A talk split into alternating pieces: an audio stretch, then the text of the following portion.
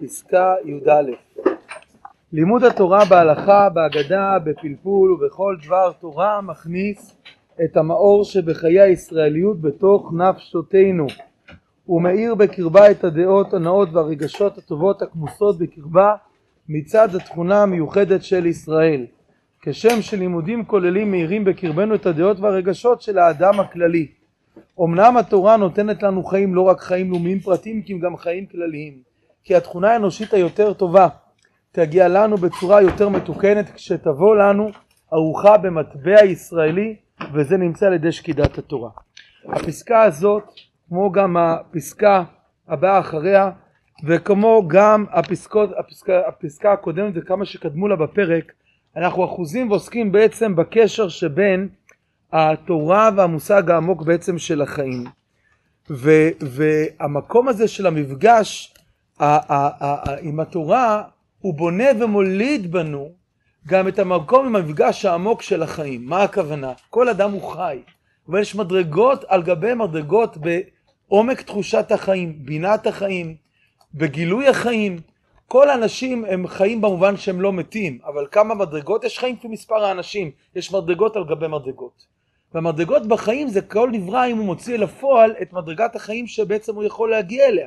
כל בעל חיים יש לו גילוי חיים שונה, הוא מגלה חוש מסוים או כוח מסוים בצורות מאוד מיוחדות שבהם הוא מומחה וזה עניינו, ויש מרחבים שהוא בכלל לא יכול לקלוט. וככה גם באומות ובבני אדם, כל אדם יש לו גילוי מסוים שזה עיקר מדרגת החיים שלו. יש חיים ישראלים ויש חיים אנושיים. וממילא הלימוד תורה על חלקיו השונים, גם בהלכה, גם בהגדה, גם כשאדם מפלפל ומעיין, ובכל דבר תורה, הוא מאיר בנו ומציף בנו בעצם את הרגשות והתכונות המיוחדות לעם ישראל. אנחנו יודעים שהגמרא אומרת, וכך גם מביא הרמב"ם להלכה, שכל מי שיש בו שלוש תכונות הללו בעצם הוא מעם ישראל, ביישנים, רחמנים וגומלי חסדים. יש דברים שקשורים אל, ה, אל הטבע הישראלי. ולא רק המידות הספציפיות הללו, יש מגמת חיים לכנסת ישראל. יש מגמת חיים שקשורה אל, אל, אל, אל, אל, אל, אל, אל העומר הזה של מה זה להיות יהודים. לא סתם שיש אה, אה, עם ישראל, יש דעות שונות וניגודים שונים, כי יש בירור של האמת דרך הניגודים השונים. יש דברים שמהותיים בטבע הישראלי, שמהווים ו- ו- ומאפיינים את עם ישראל לדורותיו. כשאדם לומד תורה, ממילא הדבר הזה הוא מעורר בקרבו את הדעות הנאות, את הרגשות הטובות, הכמוסות מצד התכונה המיוחדת של ישראל. כמו כש, כשאדם לומד מקצוע של חול, זה מעורר בו את התכונה שיש באותו מקצוע. המוזיקה מעוררת דברים מסוימים, גיאוגרפיה דברים אחרים, פיזיקה דברים אחרים. כל דבר מעורר כל מיני תכונות, דעות ורגשות כלפי אותו מקצוע, ובכללות העניין הם בונים גם איזשהו באמת משהו שהוא הוא, הוא יותר רגשות ותפיסות אנושיות. אבל מוסיף כאן הרב, שלא רק שהתורה היא מעוררת בנו את הטבע הישראלי, את החיים הישראלים, את לחשוב ישראליות, להרגיש ישראליות, יש ברב קוק כמה וכמה פסקאות שעוסקות בחזרה, בחזרה לטבע הישראלי. אבל כאן מוסיף הרב עוד משפט. אמנם התורה נותנת לנו חיים, לא רק חיים לאומיים פרטיים, כי גם חיים כלליים. כי התכונה האנושית היותר טובה תגיע לנו בצורה יותר מתוקנת, כשתבוא לנו ארוחה במטבע הישראלי, וזה נמצא על ידי שקידת התורה. גם כלפי הצד האנושי, התורה, כשאדם לומד אותה נכון, בונה באדם את האנושיות כפי שהיא מופיעה במבט הישראלי, וזה הבדל מהאנושיות איך שהיא מופיעה במבט האנושי הרגיל. ומדוע? כיוון שבסופו של דבר החוכמות האנושיות יוצאות מהתפיסה החיצונית של החיים. הם יוצאים בעצם מעשרה מאמרות, שהשם ברא את הטבע, הוא אמר ויהי, יש טבע ונתבונן בטבע, ומתוך הטבע נוליד את הנימוסים. נימוסים הכוונה היא את הסדר החברתי המתוקן ביותר שאפשר לקבל. אבל התורה היא עשרה דיברות, היא הגילוי היותר פנימי של העולם. והיא לא רק מגלה לעם ישראל את מעלתו הייחודית שלו, היא גם מגלה לו בעצם את היחס הפנימי כלפי כל הנבראים, כלפי כל הטבע, כלפי בעלי החיים, כלפי הדומם והצומח, כלפי בני אדם. ולכן לא סתם המקום של אברהם אבינו, שהוא אהב המון גויים, אביהם של גרים ואהב המון גויים, להלכה גר יכול להגיד אלוהינו לאבותינו בגלל אברהם אבינו, ויש זה כמה נפקמינות להלכה בתפילה ובעוד דברים. הדבר הזה קשור לכך שבתורה עצמה יש את הבניין והמבט המיוחד איך לבוא בצורה מתוקנת אל האנושיות. ולכן גם לא רק שאת המקום הישראלי שאתה לומד תורה אז אתה לומד את ה, מה, איך להיות יהודי טוב, איך להיות ישראלי טוב במובן העמוק של המילה ישראלית, אלא גם את המקום האדמי, גם את המקום האנושי, היום יש היום בין חקירה כזאת, שפת אדמית, שזה כאילו השפה האוניברסלית, מול שפה יהודית שזה שפה של, של, של, של, של דתיים.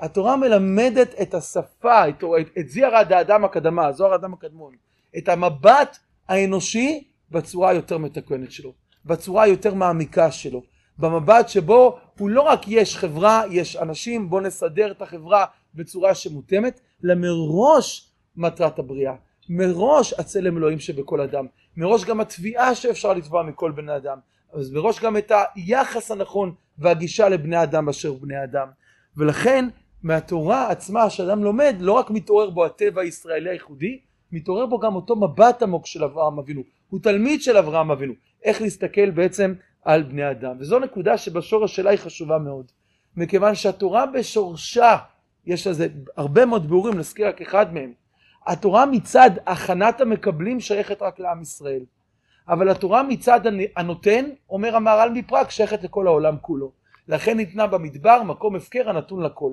התורה כאילו כביכול מצד הקדוש ברוך היא פונה לכל העולם כולו. כי היא סדר כל העולם כולו, והיא באה לתקן את כל העולם כולו. אורו של משיח בכתבי הרב קוק זה כל הזמן קשור לתיקון כל העמים כולם. התורה מאירה את המקום שבו באמת יש את ה... את ה, את ה הרב קוק מדבר על זה בהרבה מקומות. תראו את ערך האהבה במיתות הראייה ובעוד הרבה מקומות. הודו להשם קראו בשמו, הודיעו בעמים עלילותיו, שאי אפשר לקרוא בשמו אם אתה לא יודע להודיע בעמים עלילותיו, אם אתה לא יודע להבין איך, איך הדברים מגיעים בצורה נכונה לכל, לכל העולם, וזה חלק מלהבין את כל הלכי הנפש בעולם.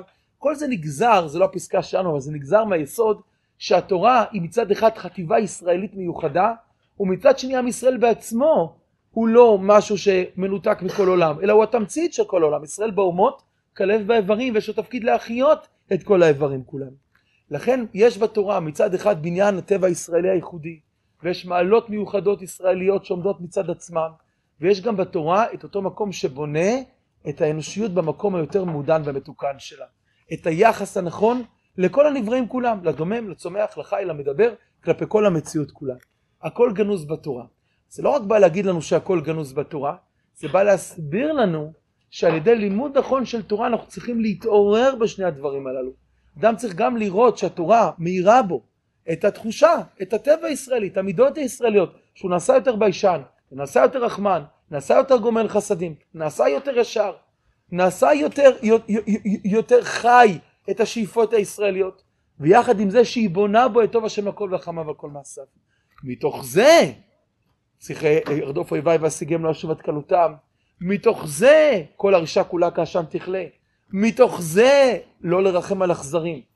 מתוך טוב השם לכל והחמה וכל מעשיו לא מרחמים על אכזרים, אבל זה היוצא מן הכלל.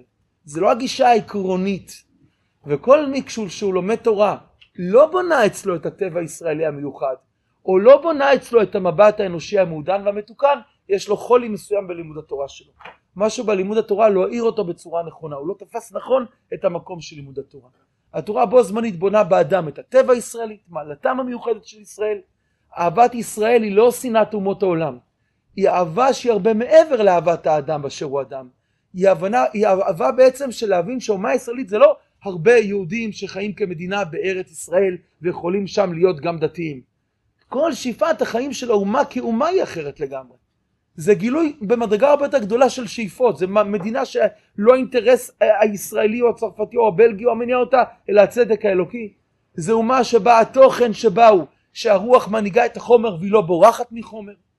זה אומה שבה מסעת הנפש היא מביאה לעולם בשורה של איפה אלוקים מתגלה בחיים ולא קסטות או, או כמרים או דתות שככל שאתה יותר דתי אתה יותר בורח מהבחירה, פורש מן החומר, או עולם חומרני שמרוב חומרניות הוא מאוד מאוד מפותח אבל תוכן של חיים אין לו. היא, היא, היא מופיעה עומר חיים אחר לחלוטין. והגילוי הזה שהוא מסעת הנפש של תיקון כל העולם הוא בונה בלומדים בתהליך של זה שני דברים. את החטיבה המיוחדת של ישראל ואת המבט העקרוני של אהבת האדם באשר הוא אדם עם המבט האנושי המתוקן. דווקא מי שאוהב אדם באשר הוא אדם לא יכול לסבול פרישה כמו דאעש או כמו הטליבן, לא יכול לסבול סרסור בנשים אה, במזרח אירופה, לא יכול לסבול שמפיצים פורנוגרפיה ברחבי העולם, לא יכול לסבול עוול. דווקא מישהו אנושי לא יכול להכיל דברים כאלה, מהמקום הכי אנושי שלו. לכן זה מביא את האנושיות למקום הרבה יותר מתוקן, למקום שמגלה את הטוב שבכל אדם, ודווקא לכן הוא גם יודע ללחום עם כל מה שרע. עד לכן ובכן צדיקים, יראו וישמחו וישרים יעלוזו, והחסידים ברינה יגילו, ומיד באותו משפט, כל הרישה כולה כאשר תכלה כי תעביר, אה, ועולת תקפוץ פיה כי תעביר ממשלת זדון מן הארץ. זה בא ביחד. אין שמחה של הצדיקים שיש רוע בעולם. אי אפשר לשמוח שיש עוד רוע בעולם. השמחה היא לא שלמה. אז ימלא שחוק פינו ולשוננו רילה. אסור למלא שחוק פיו בעולם הזה, אומר רבי שמעון בר יוחאי. זה עוד לא מתוקן. זה העבודה.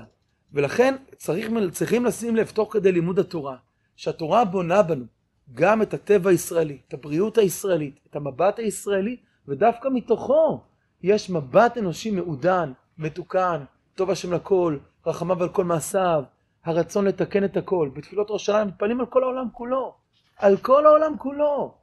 ודווקא מתוך זה, זה לא אנושיות שמכילה רוע, זה לא אנושיות של חייבת לחיות, זה לא אנושיות ש, שכל אחד יעשה מה שבא לו, זה אנושיות ממקום שזה רק דוגמאות לתפיסה עכשיו מה זה אנושיות. יש דורות שבהם התפיסה הייתה משתנה אחרת, אבל זה הכל תפיסות שבאות איך לסדר את העולם אה, מבחוץ. זה לעומת זאת התפיסה מהתורה מביאה את אותה תפיסה אנושית שבאה מתוך תפיסת צלם אלוקים, שבאה מתוך תפיסה של והלכת בדרכיו, שבאה מתוך תפיסה שמבינה מה תפקיד האומה הישראלית לרומם את העולם כולו עד כאן להיום.